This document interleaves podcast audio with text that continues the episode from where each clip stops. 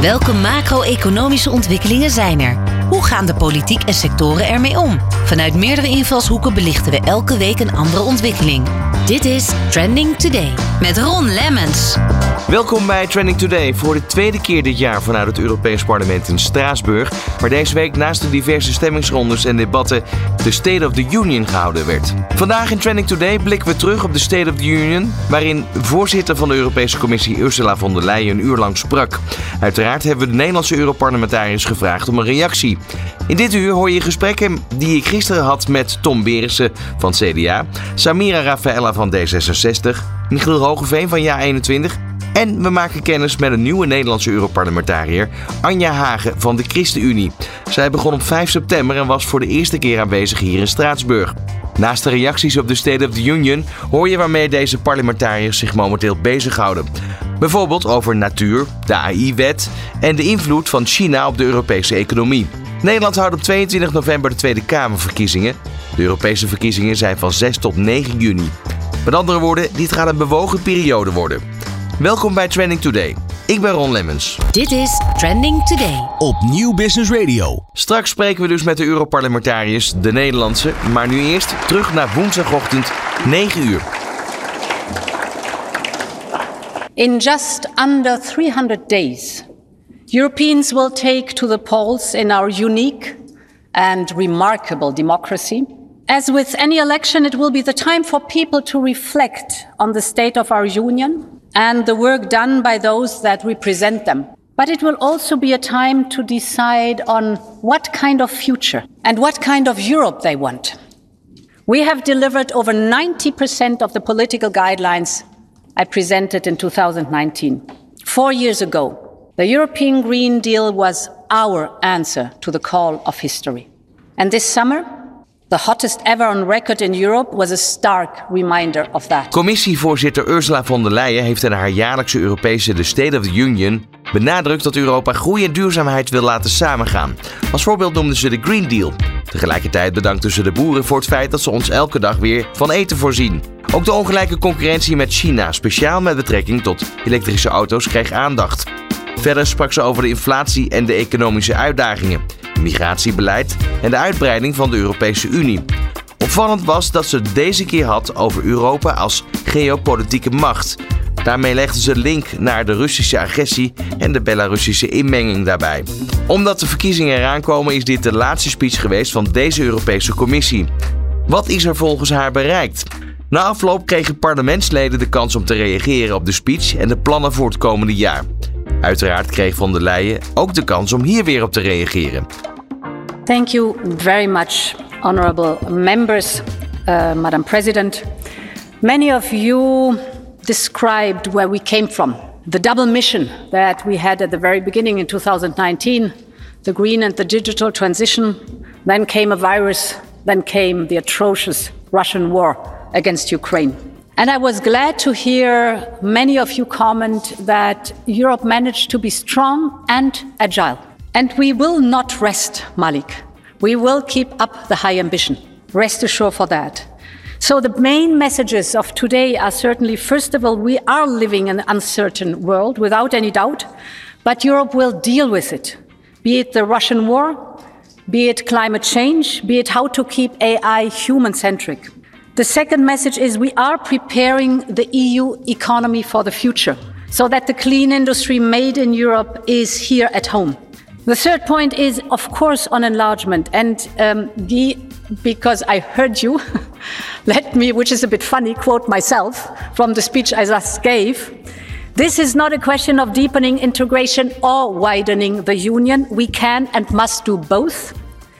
And the second point is that I always will support this House and all of those who want to reform the EU and make it work better for citizens. And yes, that means including through a European convention and treaty change if and where needed.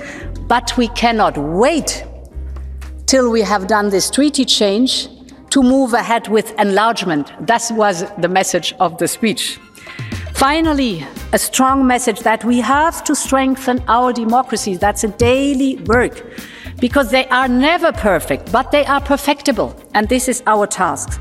So, thank you for a very lively, rich discussion with support and criticism, with ideas and warnings.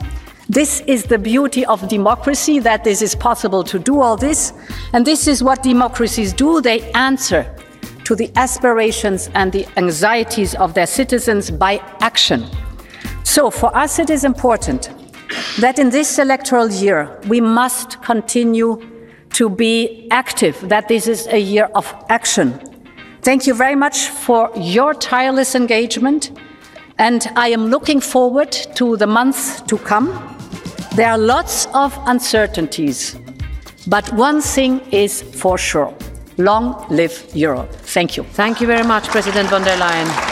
Dit is Trending Today. Op Nieuw Business Radio. In Trending Today vandaag een special vanuit Straatsburg.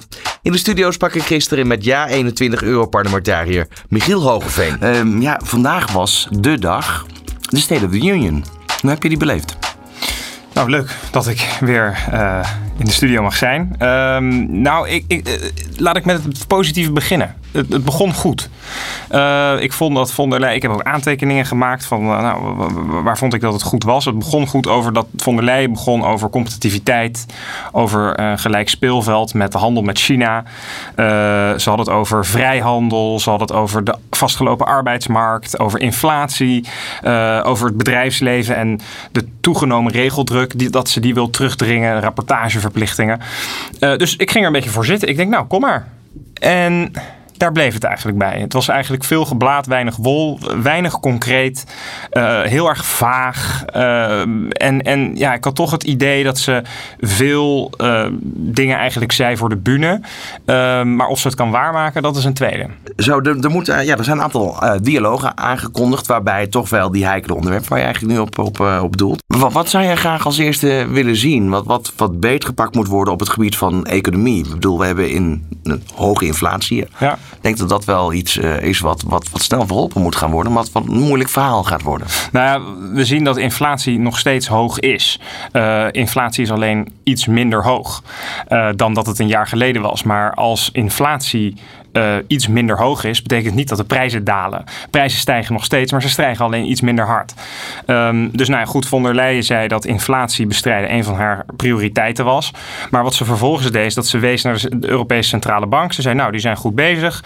En daar liet, daar, hield, daar liet ze het eigenlijk bij. Terwijl ik me dan afvraag, nee, als jij inflatie bestrijden als prioriteit ziet, als Europese Commissie, dan zijn er een aantal knoppen waar je zelf aan kan draaien. Ja, dus er moet een strategie ontwikkeld gaan worden. Ja, er moet, dus, er moet gekeken worden naar de uitgavenkant van de, Europese, van de Europese Unie. Naar de budgetten van de Europese Unie. De Europese Unie geeft veel te veel geld uit. Wat gebeurt er als nou, publieke instellingen te veel geld uitgeven? Dan wordt er nog steeds geld in die economie gepompt.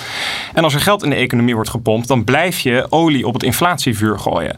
En dat is wat zij blijft doen. Ze was bijvoorbeeld heel tevreden over haar Next Generation EU-fonds van 800 miljard euro.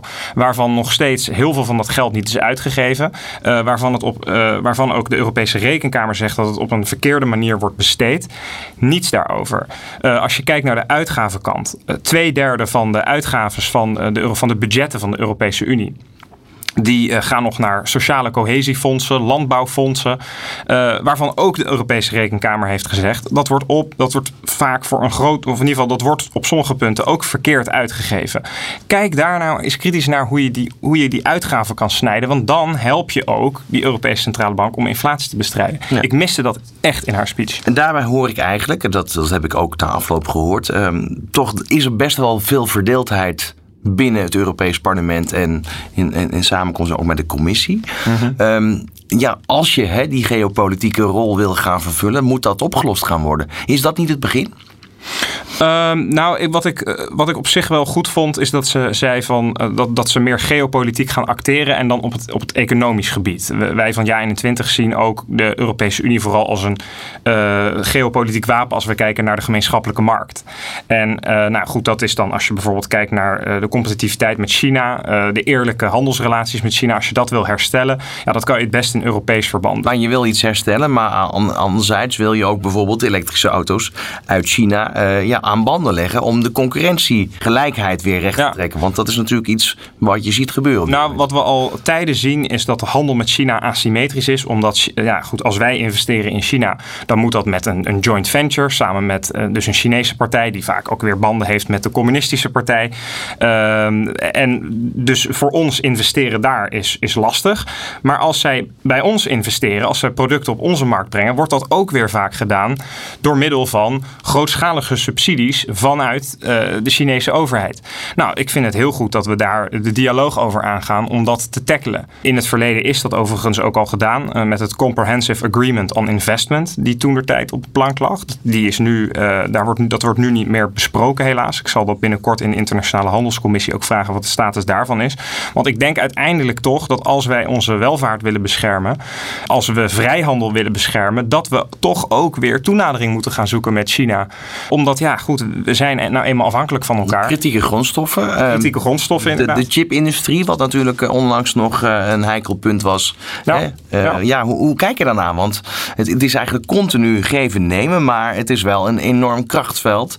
wat, wat ergens dan hersteld zou moeten gaan worden als je wil dat dat goed komt met China. Ja, nee, absoluut. En kijk, wat we bijvoorbeeld zien bij um, de energietransitie, die dan ook hoog op Ursula von der Leyen haar agenda stond. Ja, ze, ze heeft dan niets gezegd over kernenergie. Dat vind ik vreemd. Dus dan zet zij nog steeds in op, op op wind en zon. Maar als je inzet op wind en zon, ben je dus inderdaad afhankelijk, sterk afhankelijk van grondstoffen die vooral te vinden zijn in uh, China, Congo en Rusland. Dus nou ja, Rusland, dat is out of the question. Uh, China, uh, nou goed, daar moet je dan dus de dialoog mee aangaan om te kijken hoe je in ieder geval die grondstoffen op een ordentelijke manier tot ons kan krijgen. En dan moet je dus uiteindelijk toenadering zoeken. En ja, dat is ook een stukje onderhandelen en geven en nemen. Ja, nu heb je het over China. Onlangs was ook nog in het nieuws um, dat, dat gas nog steeds geëxporteerd wordt naar Europese landen. Spanje, een van de koplopers. Nederland doet het ook nog best wel. Um, dat is de relatie met Rusland. Uh, terwijl we wapens richting uh, Oekraïne sturen. Um, ja, complexer dan dat kan je er bijna niet krijgen, toch? Nee, ik, ik, eh, die, die, gascontracten, dat is mij sowieso een raadsel hoe dat nu loopt. Uh, als je ziet wat wij bij uh, bijvoorbeeld uit de Noordzee halen, uit de Waddenzee halen, gewoon een klein beetje uit Groningen, dat dat voor een groot deel ook überhaupt wordt geëxporteerd. terwijl we dat ook heel goed voor onze eigen markt zou, zouden kunnen gebruiken. Ja, ik vind dat altijd een, een vreemd krachtenveld. Dus, dus ja, daar, daar zouden we ook meer naar moeten kijken. Maar goed, dat is wel meer Nederlandse politiek. Hè? Dat is Nederlandse politiek. Maar hoe leg je dat aan de burger uit op het moment dat je straks Europese verkiezingen hebt? Want dat wordt vaak dan naar Europa geschoven. Uh, dat er namelijk meerdere landen zijn, meerdere lidstaten van de Europese Unie, die zich daar schuldig gaan maken. Uh, nou ja, goed, kijk, ik denk dat wij uiteindelijk als, uh, als we die richting die verkiezingen gaan, dat we vooral moeten inzetten op uh, waar ligt de kracht van Europa en dat is de gemeenschappelijke markt. Uh, ik denk uiteindelijk als we toch gaan kijken naar landen hun individuele belangen, dus uh, hun eigen buitenlands beleid, dat dat krachtenveld, dat, ja, dat moet wel worden aangepakt, ja. Um... Even terug naar april. Toen hebben wij het gehad over waar jij ook onder andere rapporteur voor bent. Uh, ja. Digitale uh, betaalmiddelen uh, in, in Europa. Hoe is het daarmee eigenlijk? Uh, dat gaat goed. Ik ben uh, rapporteur op het uh, rapport voor instant payments. wat, wat heel vreemd is in die gemeenschappelijke markt, is dat als, als wij van Nederland geld overmaken naar iemand in Spanje bijvoorbeeld, dat het nog steeds twee à drie werkdagen duurt. dus dat gaan we aanpakken. Dus dat, binnenkort zal dat binnen 10 seconden zijn. dat wordt op Europees niveau uitgerold. En dat is ook precies waar wij als JA21, want wij zijn heel erg kritisch op de Europese Unie, dat we wel zeggen van daar is waar de Europese Unie wel meerwaarde biedt. Dat is tastbaar voor de burger. Uh, dat maakt het leven gemakkelijker. Dus nee, dat gaat hartstikke goed. Uh, daarnaast zit ik ook op een ander project. Dat is de digitale euro. Dat is dan weer iets heel anders. Dat is eigenlijk een soort digitale munt uitgegeven door de Europese Centrale Bank. En de commissie is nu net met een voorstel gekomen. Uh, daar kijken we dan weer heel kritisch naar. En waarom kijk je daar dan wel weer specifiek kritisch naar? Omdat dat een uh, oplossing is op zoek naar een probleem. Uh, als ik jou vraag, hebben we, zou jij een digitale euro willen? Uh, dan is je antwoord waarschijnlijk een digitale wat? Ik heb toch al, ik heb toch al digitaal geld, ik heb ja. mijn pinpasje, we hebben Ideal, we kunnen online al geld overboeken. Um, en, en ja, dan wil de Europese Centrale Bank en de Europese Commissie dan nu een soort... Ja, een soort cryptomunt? Ja, eigenlijk een soort cryptomunt, een eigen cryptomunt uitgeven. wat, waarvan wij denken dat dat veel verwarring in de markt zal veroorzaken. Ehm, we zien ook al bij betalingsbedrijven, bij banken, dat die er heel kritisch naar kijken. Want de Europese, of de Europese Commissie wil bijvoorbeeld een acceptatieplicht invoeren voor winkeliers. Dat die digitale euro ook geaccepteerd moet worden. maar goed, Hoeveel gaat het kosten? Wie gaat die kosten dragen? Hoe worden die kosten berekend? Daar heeft de Europese Commissie, als de Europese Centrale Bank, nog geen duidelijk antwoord op. Dan uh, tot slot, we hadden het er net al heel even kort over, de verkiezingen. Hoe, hoe ga jij die uh, ja, tegemoet zien? We hebben enerzijds de Nederlandse, de Nederlandse verkiezingen, uh, straks de Europese verkiezingen. Um, ja, het lijkt me best wel lastig in dat je nu minder tijd hebt om de Europese verkiezingen goed neer te zetten. want we zijn al uh, ja, ondergedelft uh, aan ja. die Nederlandse politiek. Dat moet allemaal natuurlijk ook weer uh, geïnstalleerd worden, die regering. Ontzettend druk. veel nieuwe gezichten in Den Haag. Hoe kijk je daarnaar? Ja, ik vind het heel jammer dat die verkiezingen dan nu inderdaad weer elkaar opvolgen. We hadden in 2019 eerst de Provinciale Staten, twee maanden later Europese verkiezingen, waardoor het een beetje mosterd na de maaltijd werd.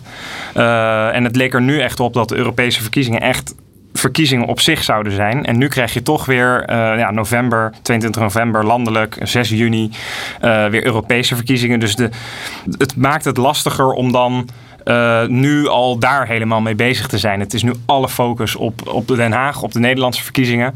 Maar goed, op de achtergrond zijn we druk bezig om, om ons verhaal voor te bereiden als uh, ja 21. om naar de kiezer te gaan en echt ook te zeggen: kijk, wij zijn de enige partij die kritisch zijn op de Europese Unie, maar wel realistisch. Dus we kijken wel echt naar die gemeenschappelijke markt. Uh, we zien dat dat ontzettend veel meerwaarde heeft voor Nederland, dat we daarop willen inzetten. Maar al die uh, politieke uh, um, avontuurtjes waar von der Leyen het vandaag ook weer over had, ja, kijk, dat hoeft van ons niet. Maar goed, anderzijds, dat gebeurt in Den Haag net zo. Uh, hoe bedoel je? Nou ja, ik bedoel, op het moment dat er een Europese wetgeving komt, dan wil Nederland er altijd nog wel een schepje bovenop doen. Ja, ja nou goed, dat is dus iets wat, wat dan wel weer het voordeel is. Dat we dan eerst landelijke verkiezingen, daarna Europese verkiezingen hebben. Dat je ook wel weer een beetje synergie krijgt. Uh, dat je het op elkaar kan afstemmen. Uh, als we zien dat eh, bijvoorbeeld hier in, in, in het Europese parlement wordt heel erg, ja, is iedereen heel druk bezig met bijvoorbeeld duurzaamheidsrapportages voor bedrijven. En dan in Nederland zijn we al heel lang bezig om dat ja, inderdaad nog strenger in, in de wet te gieten. Kijk, dat zijn dingen dat we, dat Den Haag, Brussel, voor jaar 21 dat we elkaar informeren en dat we elkaar versterken. Dus in die zin kan je ook wel uh, elkaars campagne versterken. Dankjewel voor nu. Graag gedaan. Dit is Trending Today. Op Nieuw Business Radio. Bij me staat uh, Tom Berendsen van het CDA. Je bent lijsttrekker van het CDA. Eigenlijk uh, pas net bekend geworden deze maand. Uh, daarnaast rapporteur voor de EU-havenstrategie en kritieke grondstoffen. De afhankelijkheid binnen de EU. Daar gaan we het zo meteen over hebben. Maar eens even terug naar vanochtend. De State of the Union. Hoe hebben jullie die als partij ervaren? Nou het is, het is natuurlijk een beetje een, een show. De, de hoogmis hier in de, in, in de Europese bubbel, om het zo maar even te noemen. Ik denk als iedere partij een, een bingo kaart voor zich heeft van wat vinden wij belangrijk om te horen, dat iedereen er een heleboel kan, uh, kan aanstrepen. Het is natuurlijk een speech waar, waar voor iedereen wat in zit. Uh, ik vond een aantal dingen goed. Ik vond dat er veel aandacht was voor de China-strategie. Uh, ik vond dat er veel aandacht was voor digitalisering, artificial intelligence. Uh, wat ik wel miste is dat op het gebied van nou ja, zowel energie als migratie als. Dat noemden ze wel, eh, maar weinig concreet. Wel, ik denk, uh, en het CDA denkt dat daar nu echt actie nodig is. En uh, ja, je zou verwachten dat daar wat concreter en wat sneller en wat betere oplossingen nu genoemd zouden worden. Ja, want de commentaren die geleverd konden worden in eigenlijk een minuut speeches, waren onder andere onder meer dat, uh, ja, dat er partijen zijn die toch het glas nog steeds zien als half leeg. en ook een andere kant is half vol, maar het glas nog steeds niet is waar het moet zijn. Nee, dat klopt. En, en dat is natuurlijk ook politiek. Hè? Wat ik zei, iedereen uh, ziet erin of leest erin wat ze, of hoort erin wat ze, wat, ze willen. Uh, maar het mogen duidelijk zijn dat uh, ja, het is terecht dat, dat, dat kiezers, dat mensen mogen verwachten dat op het moment dat de wereld zo in beweging is als nu, dat, dat met die samenwerking in Europa ook, ook echt oplossingen biedt. zeker op een aantal grote onderwerpen. En ja, daar moet nog echt wel wat gebeuren. Een aantal belangrijke punten toen Van der Leyen eigenlijk ja, in haar functie trad in 2019. Onder andere digitalisering geopolitiek. dat was vandaag ook alweer duidelijk. Dat ze ook wel dat naar buiten schoof. Van we moeten eigenlijk meer als één Europa gaan functioneren in deze veranderende wereld. Ja, dat, vinden wij als CDA ook, ook zonder klaar. Het is, het is heel duidelijk. De wereld is in verandering. En om willen wij onze, onze plek in de wereld houden, willen we onze manier van leven blijven beschermen. Ja, dan kan dat alleen in samenwerking met de landen om ons heen. Ehm, en, en ja, von der Leyen uh, hint daar ook op. En is daar eigenlijk ook gewoon heel duidelijk over. Ehm, dus ja, dat, dat vonden wij positief. Ja, aantal pijnlijke dossiers toch wel. Migratie, Tunesië, deal wordt er daarin vaak genoemd. Huisvesting binnen Europa, inflatie, natuurherstelwet. Welke van deze vier zou je willen kiezen om daar nu over te spreken? Nou, kijk, eh, migratie is, een hele, is sowieso een hele belangrijke. Uh, dat is echt een van die zaken die, die nu opgepakt moeten worden. De Tunesië-deal uh, is gesloten. Die is ook heel belangrijk, want we hebben de landen om ons heen, zeker in Noord-Afrika, keihard nodig om die stromen migranten naar ons toe minder te laten worden. Maar ook voor de veiligheid van de mensen zelf, die, die, ja, die sterven op, op de Middellandse Zee. Maar niet alleen de Middellandse Zee, want er zijn natuurlijk ook foto's bekend. mensen die weer de woestijn ingestuurd Ja, en dat zijn natuurlijk verschrikkelijke beelden. maar dat neemt niet weg dat eh, de enige manier waarop wij dit grip kunnen krijgen op migratie is door samen te gaan werken met die landen. Door daar afspraken mee te maken, door buitenlandbeleid vanuit Europa te voeren, waar ook de economische ontwikkeling van dat soort landen afspraken over, over opvang in de regio onderdeel van uitmaken. Dus dat is gigantisch belangrijk. Dat die deal op dit moment nog niet verloopt zoals wij willen klopt helemaal. Maar als je geen afspraken maakt met die landen, dan wordt de situatie daar ook niet beter. Dus het is belangrijk dat we deal maken. Als je dan hebt over migratie, Oekraïne kwam natuurlijk ook veelvuldig aan bod. Oekraïners in Nederland, of eigenlijk in Europa, het zijn inmiddels 4 miljoen die gevlucht zijn, kunnen vrijwel meteen aan het werk. Maar dat is eigenlijk een klein onderdeel van de migranten die Europa inmiddels heeft. Uh, hoe, hoe kijk je daar als CDA naar? Het mogen duidelijk zijn, er, er, moet grip op migratie komen. Als je in het algemeen kijkt, het systeem wat er nu is, dat werkt aan niet voor de vluchtelingen. Eh, want ze moeten veel geld eh, betalen aan, aan, aan mensensmokkelaars. Dat is één. En, en twee, ze ondernemen een zeer gevaarlijke reis. En bovendien helpen we uiteindelijk ook alleen de mensen die voet op Europees land kunnen zetten. Terwijl de meest kwetsbare mensen niet eens Europa halen, om het zo maar even te zeggen. Dat is een probleem. maar meer nog ook het probleem dat onze voorzieningen, ons onderwijs, onze zorg, um, onze woningmarkt, ja, die, die, die kunnen dat op dit moment ook niet aan. Uh, nou goed, er zijn ook groepen migranten die je eigenlijk bij wijze van spreken bijna in kan zetten. Bijvoorbeeld kijk naar migranten uit Syrië, vaak hoogopgeleid, mogen niet werken. Uh, ja, maar dat betekent ook nog niet dat ze een huis hebben. Dat betekent ook nog niet dat alle kinderen naar school kunnen. Dat de schoolklassen dat aankunnen.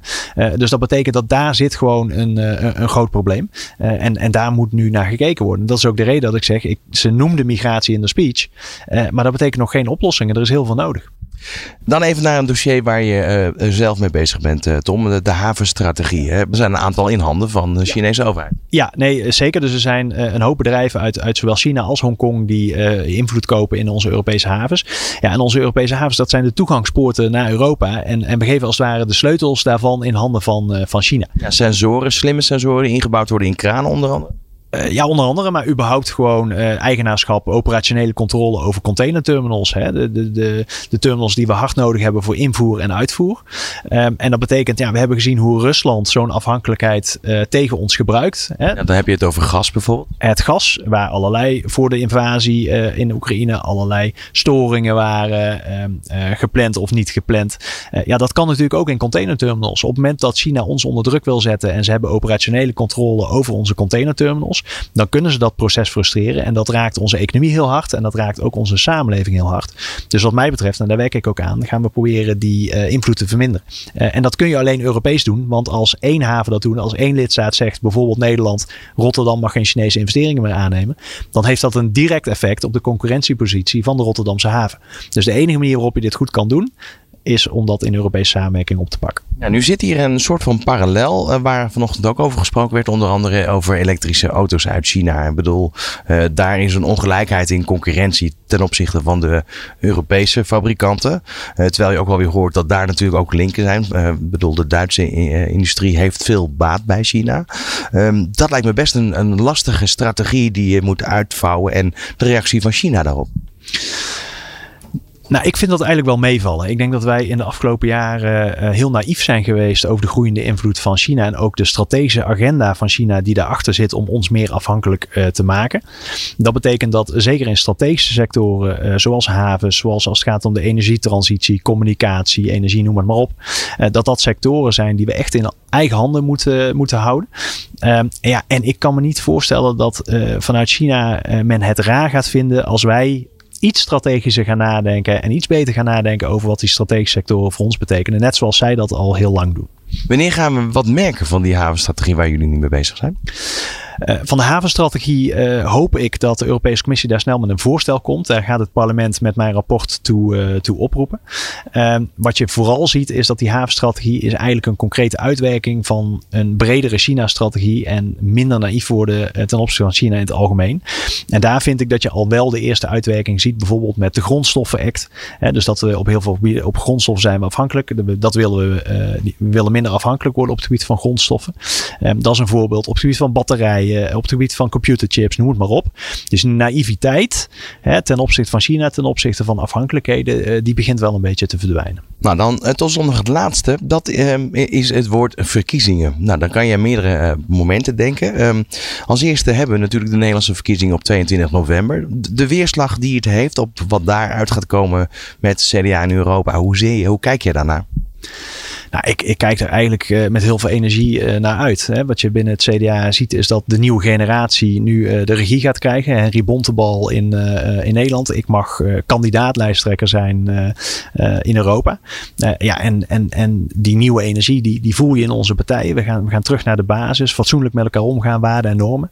en ik ben ervan overtuigd dat wij een hoop mensen kunnen overtuigen van ons verhaal. Stel je nu voor dat, dat CDA eigenlijk in Nederland hè, toch de wederopbouw heeft gevonden. En ze vragen jou voor een ministerspost. Wat zou je antwoord zijn? Nou, het lijkt me heel raar als ik nu eh, lijsttrekker uh, word voor Europa, dat ik vervolgens over drie maanden naar Den Haag ga. Dus dat ben ik niet van plan. Mijn opdracht die mij nu ook gegeven is, mijn verantwoordelijkheid die mij gegeven is, die ligt in Europa. Wanneer gaan we wat merken van de Europese verkiezing? Want het zit eigenlijk best wel dicht op elkaar. Um, en de afstand met, met Europa en de Nederlandse over het algemeen burger is best wel groot. Omdat het ook vaak gaat om complexe vraagstukken, complexe wetgevingen. Hoe ga je dat verkleinen tijdens die verkiezingen of de campagne daar naartoe?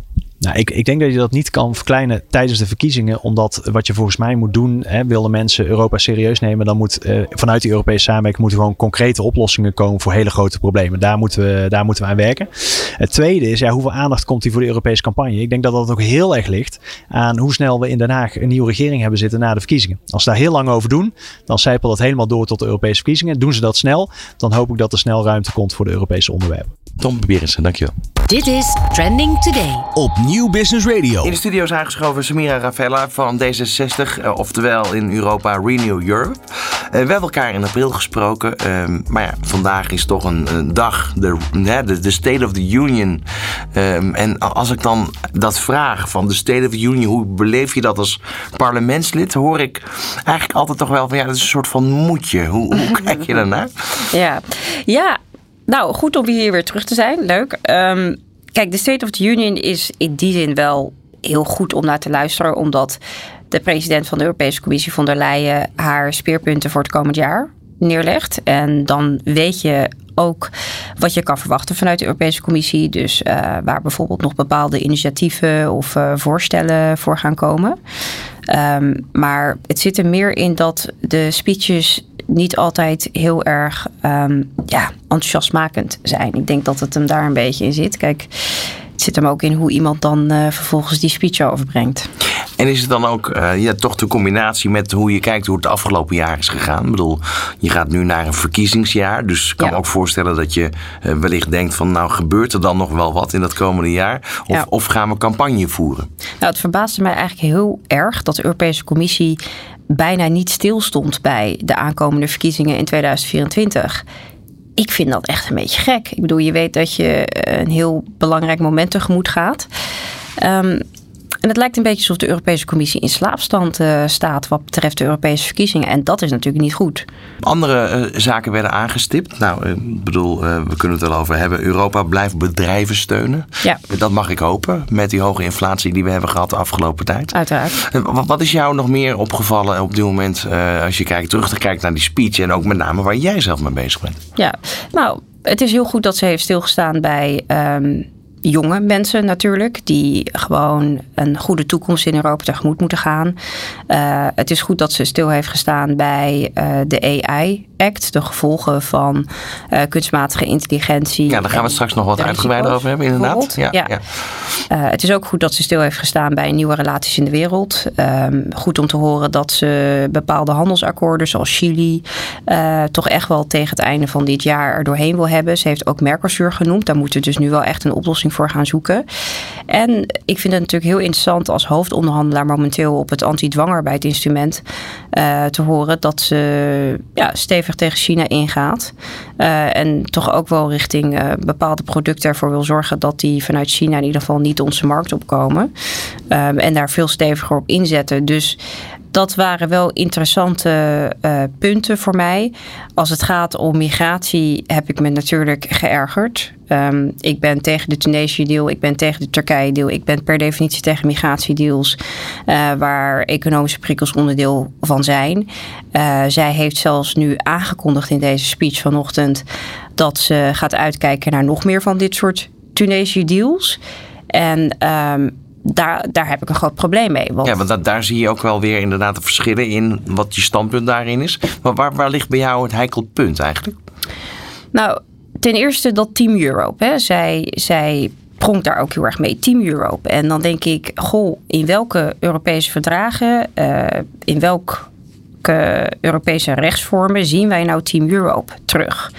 En dat is een irritatie omdat uh, we daarmee de juridische grondslag van dit soort deals gewoon compleet niet helder hebben. Dit soort deals komen ook niet langs het Europees Parlement. Kijk, ik vind op mijn beurt dat het Europees Parlement iets moet vinden van dit soort migratieovereenkomsten. Uh, omdat uh, wij toch echt erop moeten toezien dat bijvoorbeeld mensenrechten worden gerespecteerd.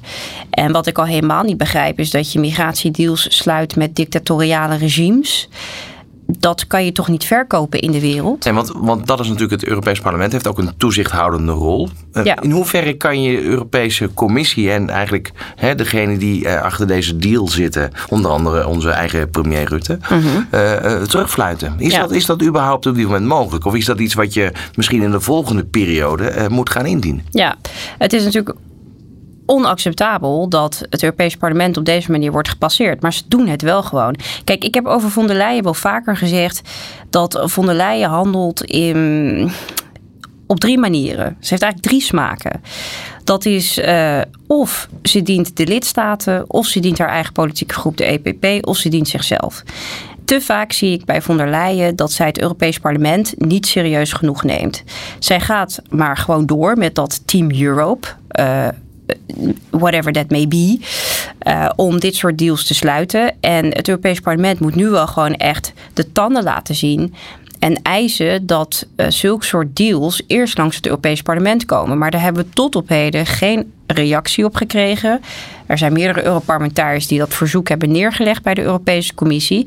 Maar ze gaan gewoon door. Ja, dat zal betekenen voor het Europees Parlement dat het moet nadenken hoe het in de volgende, uh, in het volgende mandaat toch echt wel de instrumenten benut om von der Leyen ter verantwoording te roepen. Ja, want als je het hebt over migratie, dan ook misschien wel de landelijke politiek in Nederland.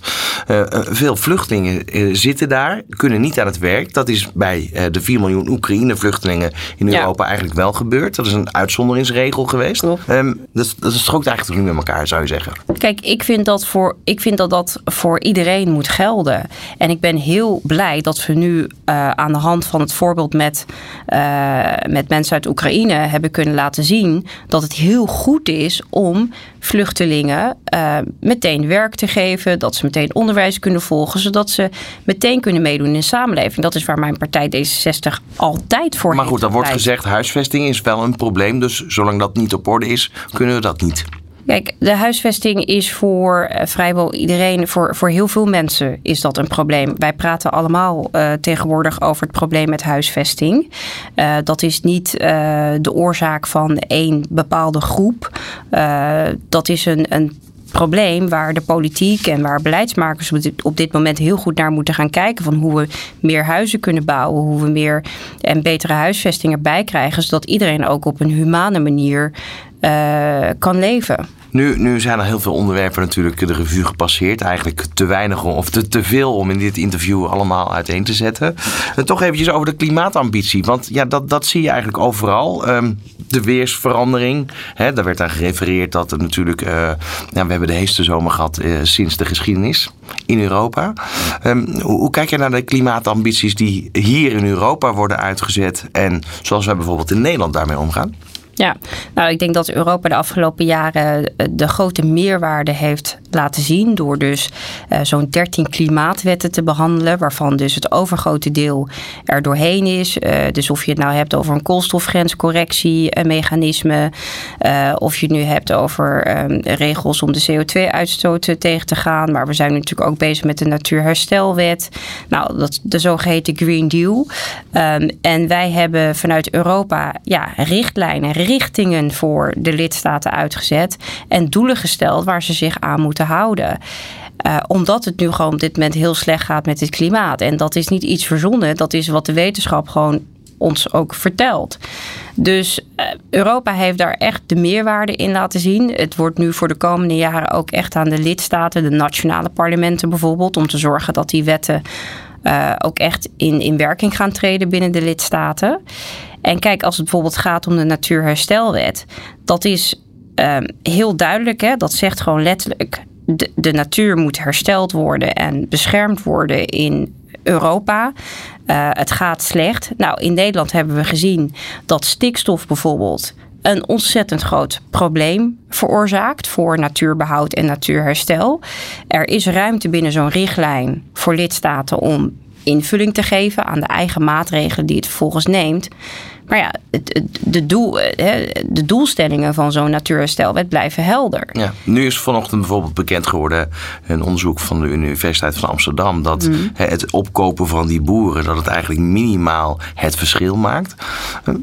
Heb je ook niet zoiets dat, dat Nederland daar wellicht toch een beetje kneuterig mee omgaat? En bedoel, hele beroepsgroepen worden eigenlijk in rep roer gezet. Kijk, het is nooit de bedoeling geweest, wat mij betreft, in ieder geval zeker niet van mijn partij, uh, dat, dat, dat, wij, dat wij geen boeren meer willen zien. Hè? Het gaat ons er juist om dat wij onze boeren, die we zo hoog hebben staan en die zo belangrijk zijn voor onze voedselproductie, voor hoe wij uh, elke dag gewoon kunnen leven. Um, dat we die ook beschermen en steunen. Kijk, daarom is bijvoorbeeld zo'n richtlijn, eh, de Natuurherstelwet, zo belangrijk. Omdat we biodiversiteit moeten herstellen. Omdat we ervoor moeten zorgen dat onze boeren op gezond uh, grondgebied kunnen produceren, bijvoorbeeld. Wij willen ook af van die landbouwsubsidies, omdat is gebleken dat al dat geld beter geïnvesteerd kan worden in innovatie, nieuwe landbouwtechnieken bijvoorbeeld. Met andere woorden, het gaat ons er niet om dat wij minder boeren hebben. Het gaat ons erom dat wij uh, boeren op een manier steunen dat het ook bijdraagt aan natuurbehoud en natuurherstel. Daar hebben zij namelijk zelf ook heel veel aan. Ze hebben er niks aan als hun grond vervuild is, want dan kan je, kan je niet, uh, niet produceren op een goede manier. Uh, en kijk, als het gaat om, om de boeren die, uh, die wellicht wel hun bedrijf moeten opgeven.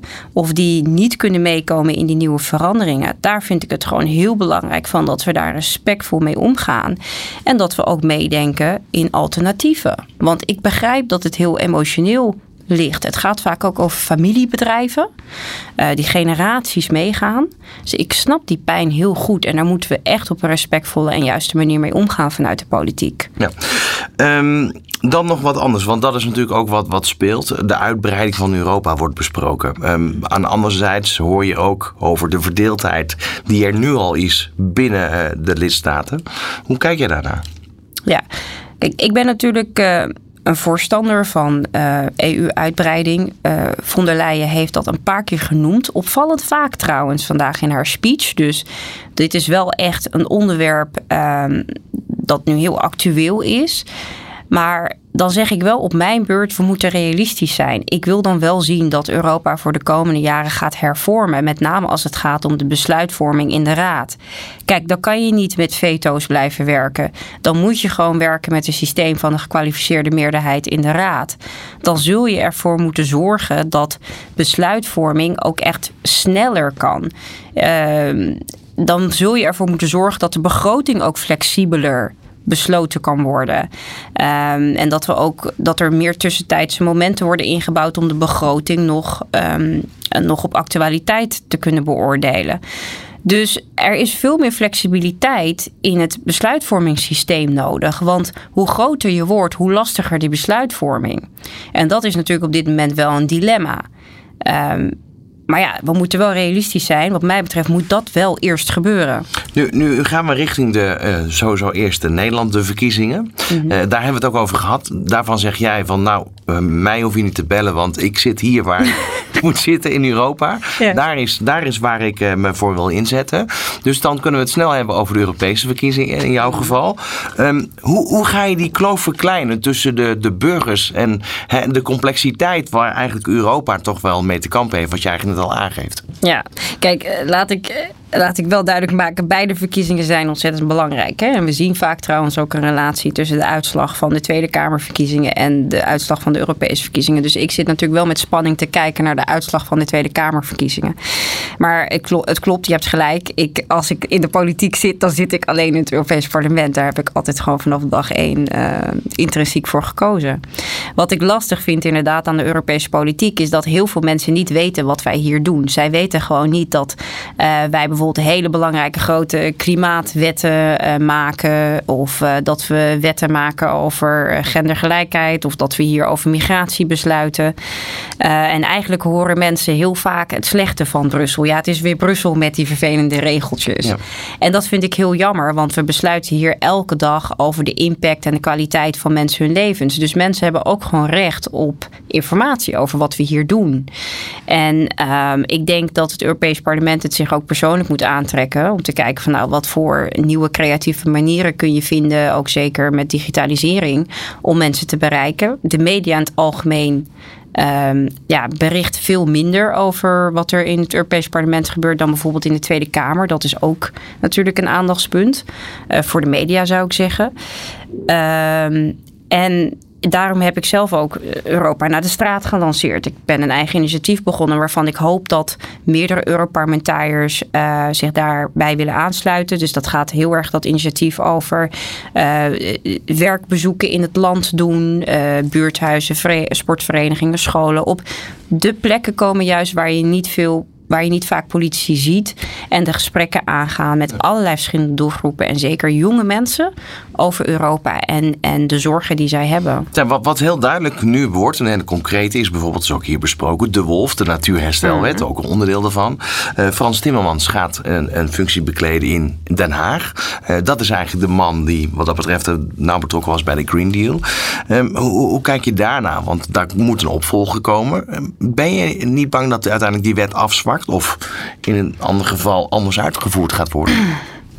Nou, wat ik vandaag uit de speech van uh, von der Leyen kon opmaken, want is dat zij uh, ambitieus zal blijven als het gaat om de Green Deal. Dus ook de koers die dus al ingezet is door Timmermans, kan ik daaruit concluderen. Ik was daar wel benieuwd naar. Ik heb dat zelfs nog getweet. Dat ik benieuwd ben of uh, von der Leyen nog zo ambitieus op de Green Deal blijft. Omdat ze natuurlijk toch echt wel last heeft van de politieke druk van haar eigen groep, de EPP. Kijk, en nu is het heel erg belangrijk dat uh, de twee eurocommissarissen uh, die ja, samen gaan over klimaatverandering en klimaataanpak en financiering, dat die gewoon die trend blijven doorzetten. Ik zie niet in waarom nu opeens een koers wordt veranderd of waarom de ambitie wordt verlaagd. Maar goed, zou dat nog na de verkiezingen kunnen plaatsvinden? Kijk, dat, kan, dat zou altijd naar de verkiezingen kunnen Het is natuurlijk heel erg afhankelijk van wie je daar hebt zitten. Maar goed, daar moeten we natuurlijk alles op alles zetten. Daar zijn de politieke partijen zelf bij. Er zijn de politieke groepen zelf bij. Ook mijn eigen groep Renew Europe, de liberalen. Om dan maar te zorgen dat we een goed resultaat neerzetten in die verkiezingen. Als wij dat belangrijk vinden, en dat vinden we ook. Ehm, dat we ambitieus moeten blijven als het gaat om die klimaataanpak. Dan moeten we zorgen dat we, dat we winnen. Tot slot, ehm, waar je nu mee bezig bent met AI Act is gesloten. Dat is voor heel veel mensen toch nog best wel ver weg. En Europa gaat straks de eerste, uh, ja, het eerste continent worden waar die AI-wet aan banden gelegd gaat worden. Um, best wel uniek. Nou ja, aan maar wel goed, ja, in die zin dat in ieder geval dat, dat beschermen van de burgers. Ja, dat is het allerbelangrijkste. Nee, precies. Want daar gaat het inderdaad om. Kijk, uh, die, met, met AI zullen we uh, ons hele leven wel nu mee geconfronteerd uh, worden. En ehm, kunstmatige intelligentie zal met de dag alleen maar slimmer en innovatiever worden. Ehm, wij lopen als, als wetgevers lopen wij achter. De politiek loopt al jarenlang achter. En we zijn er niet in geslaagd om tijdig te reguleren als het gaat om hoe algoritmes worden gebruikt. Wij hebben in Nederland natuurlijk een verschrikkelijk voorbeeld daarvan. Hoe het mis kan gaan. Uh, toeslagenschandaal. En um, wat er nu gaat gebeuren door deze nieuwe wet is dat er allerlei nieuwe regels en standaarden worden gemaakt om ervoor te zorgen dat uh, die algoritmes op een juiste manier worden benut en dat het niet uh, dat het niet mensen belemmert in, in, de, part, in, in de eigen participatie in dagelijks, in het dagelijks leven. het mag niet zo zijn dat uh, een poortje op Schiphol uh, mij er wel vaker uit gaat pikken, omdat het uh, bijvoorbeeld op basis van informatie werkt, wat bijvoorbeeld niet door mensen van kleur ook is gemaakt. Um, en en ja, u komt er alleen maar doorheen en ik bewijs van niet. Nou, dat zijn voorbeelden die nu al, al zich voordoen in de praktijk. Dus er zitten vooroordelen in de informatie uh, waarmee we momenteel werken. En deze wet moet er ook voor zorgen dat die vooroordelen zoveel mogelijk worden voorkomen. Bedankt voor het uh, gesprek en uh, veel succes. Dankjewel. Dit is Trending Today. Op Nieuw Business Radio. In Trending Today vandaag een special vanuit Straatsburg. Ze heeft op 5 september het stokje overgenomen van Peter van Dalen. Die op 3 september na ruim 14 jaar afscheid nam van het Europees Parlement. Ik heb het over Anja Haga. En ja, ze is nu voor het eerst in Straatsburg. Dus dat is op zich al heel bijzonder. Laat staan dat we het dan nog hebben over de State of the Union. Uh, wat natuurlijk ook wel een ding is volgens mij. Als je er naartoe werkt. Welkom Anja. Ja, dankjewel. En uh, de State of, ja, ik voel gelijk met de neus in de boter eigenlijk in de eerste week in Straatsburg. Uh, nou is het Brusselse werk niet helemaal nieuw voor me, maar hier rondlopen wel. Dus ik voel me soms een beetje een brugpieper die de weg aan het zoeken is. Maar het komt al. En uh, zo'n State of Union is wel leuk. Dan kan je ook gelijk de inhoud. En nou ja, wat me opviel, ik heb mijn startdag met mijn clubje uh, gehad uh, in Harlingen om uh, aandacht te vragen voor de Waddenzee. En laat Ursula van der Leyen nou in haar State of the Union aandacht vragen voor UNESCO Werelderfgoed Waddenzee. Dus ik dacht, ze heeft goed geluisterd naar mijn oproep dat dat meer bescherming verdient. Dus ik voel me gelijk als een vis in het water. Nou, even een stukje achtergrond. Je bent staatslid geweest voor de provincie Friesland. maar je hebt ook ja, natuur- en klimaatzaken tot je gehad. Onder andere heb je gewerkt voor Staatsbosbeheer. Ja, klopt. De afgelopen zes jaar heb ik gewerkt voor Staatsbosbeheer. En uh, ik leef plasticvrij. Dus ik uh, doe veel praatjes en lezingen over hoe ik denk dat we anders moeten gaan leven om ja, uh, klimaatverandering tegen te gaan. En dat begint bij jezelf. Maar heb je het dan over single-use plastic of alles wat plastic, uh, met plastic te maken heeft? Ja, vooral single-use plastic. Dus echt plastic die uh, of verpakkingen, volstrekt zinloze verpakkingen om koekjes of fruit of groenten of noem maar op. De, de, de, ook in je badkamer, wat dan ook. Dus alles heb ik uitgebannen. omdat dat symbool staat voor mij voor verspilling. We kopen afval. Er is CO2 bij vrijgekomen bij het maken. En we komen thuis, we gooien het weg. En dat wordt weer CO2 vrijgemaakt omdat dat dan weer verbrand wordt. Volstrekt nutteloos. Dus ik hoop mensen ervan te doordringen dat we ja, zonder plastic kunnen leven. Want niemand vindt het leuk, al die plastic flesjes of troep in de rivieren, microplastics in ons eten, in vis.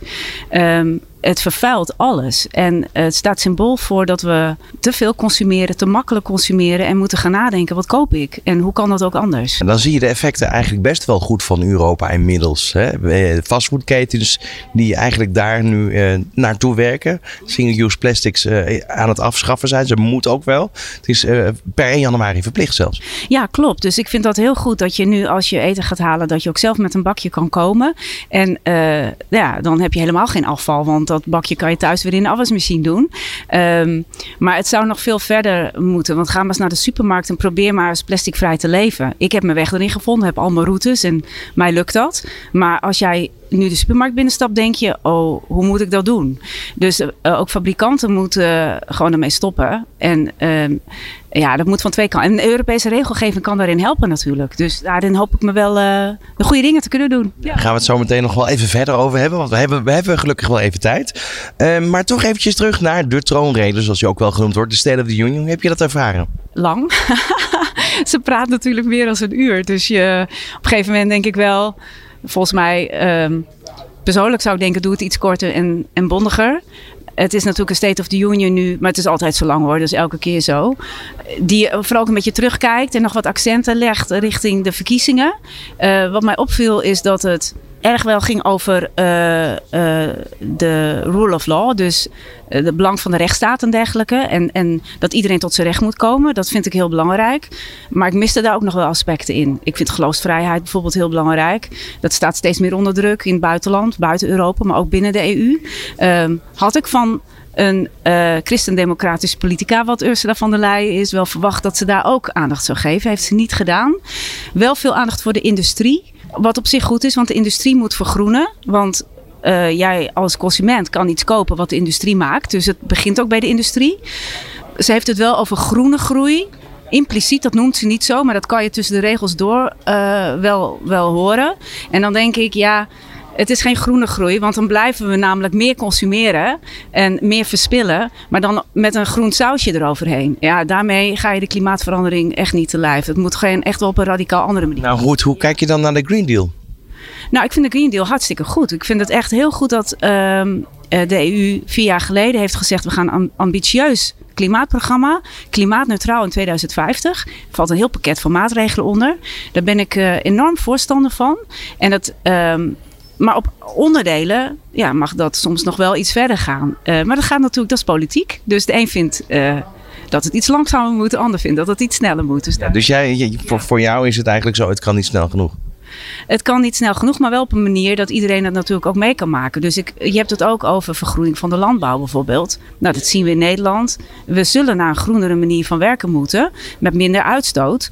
Maar wel op een manier dat mensen ook nog een inkomen kunnen verdienen. Want je kan niet mensen radicaal hun, hun inkomen ontnemen. Want uh, dat, is natuurlijk ook onmenselijk. Dus het moet groen, maar ook rechtvaardig. Ook op een manier dat mensen het mee kunnen maken. Hoe, hoe kijk je dan naar situaties, hè, wat überhaupt ook besproken is in het parlement, over de wolf? Hè, de wolf heeft een enorme opmars in Europa. Uh, daarbij, uh, ja, voor de natuurliefhebber fantastisch. maar aan de andere kant, als het zo dicht bij de dichtbevolkte gebieden in Nederland komt, bijvoorbeeld, ja, kan je ook vragen of iedereen daar zo blij mee moet zijn.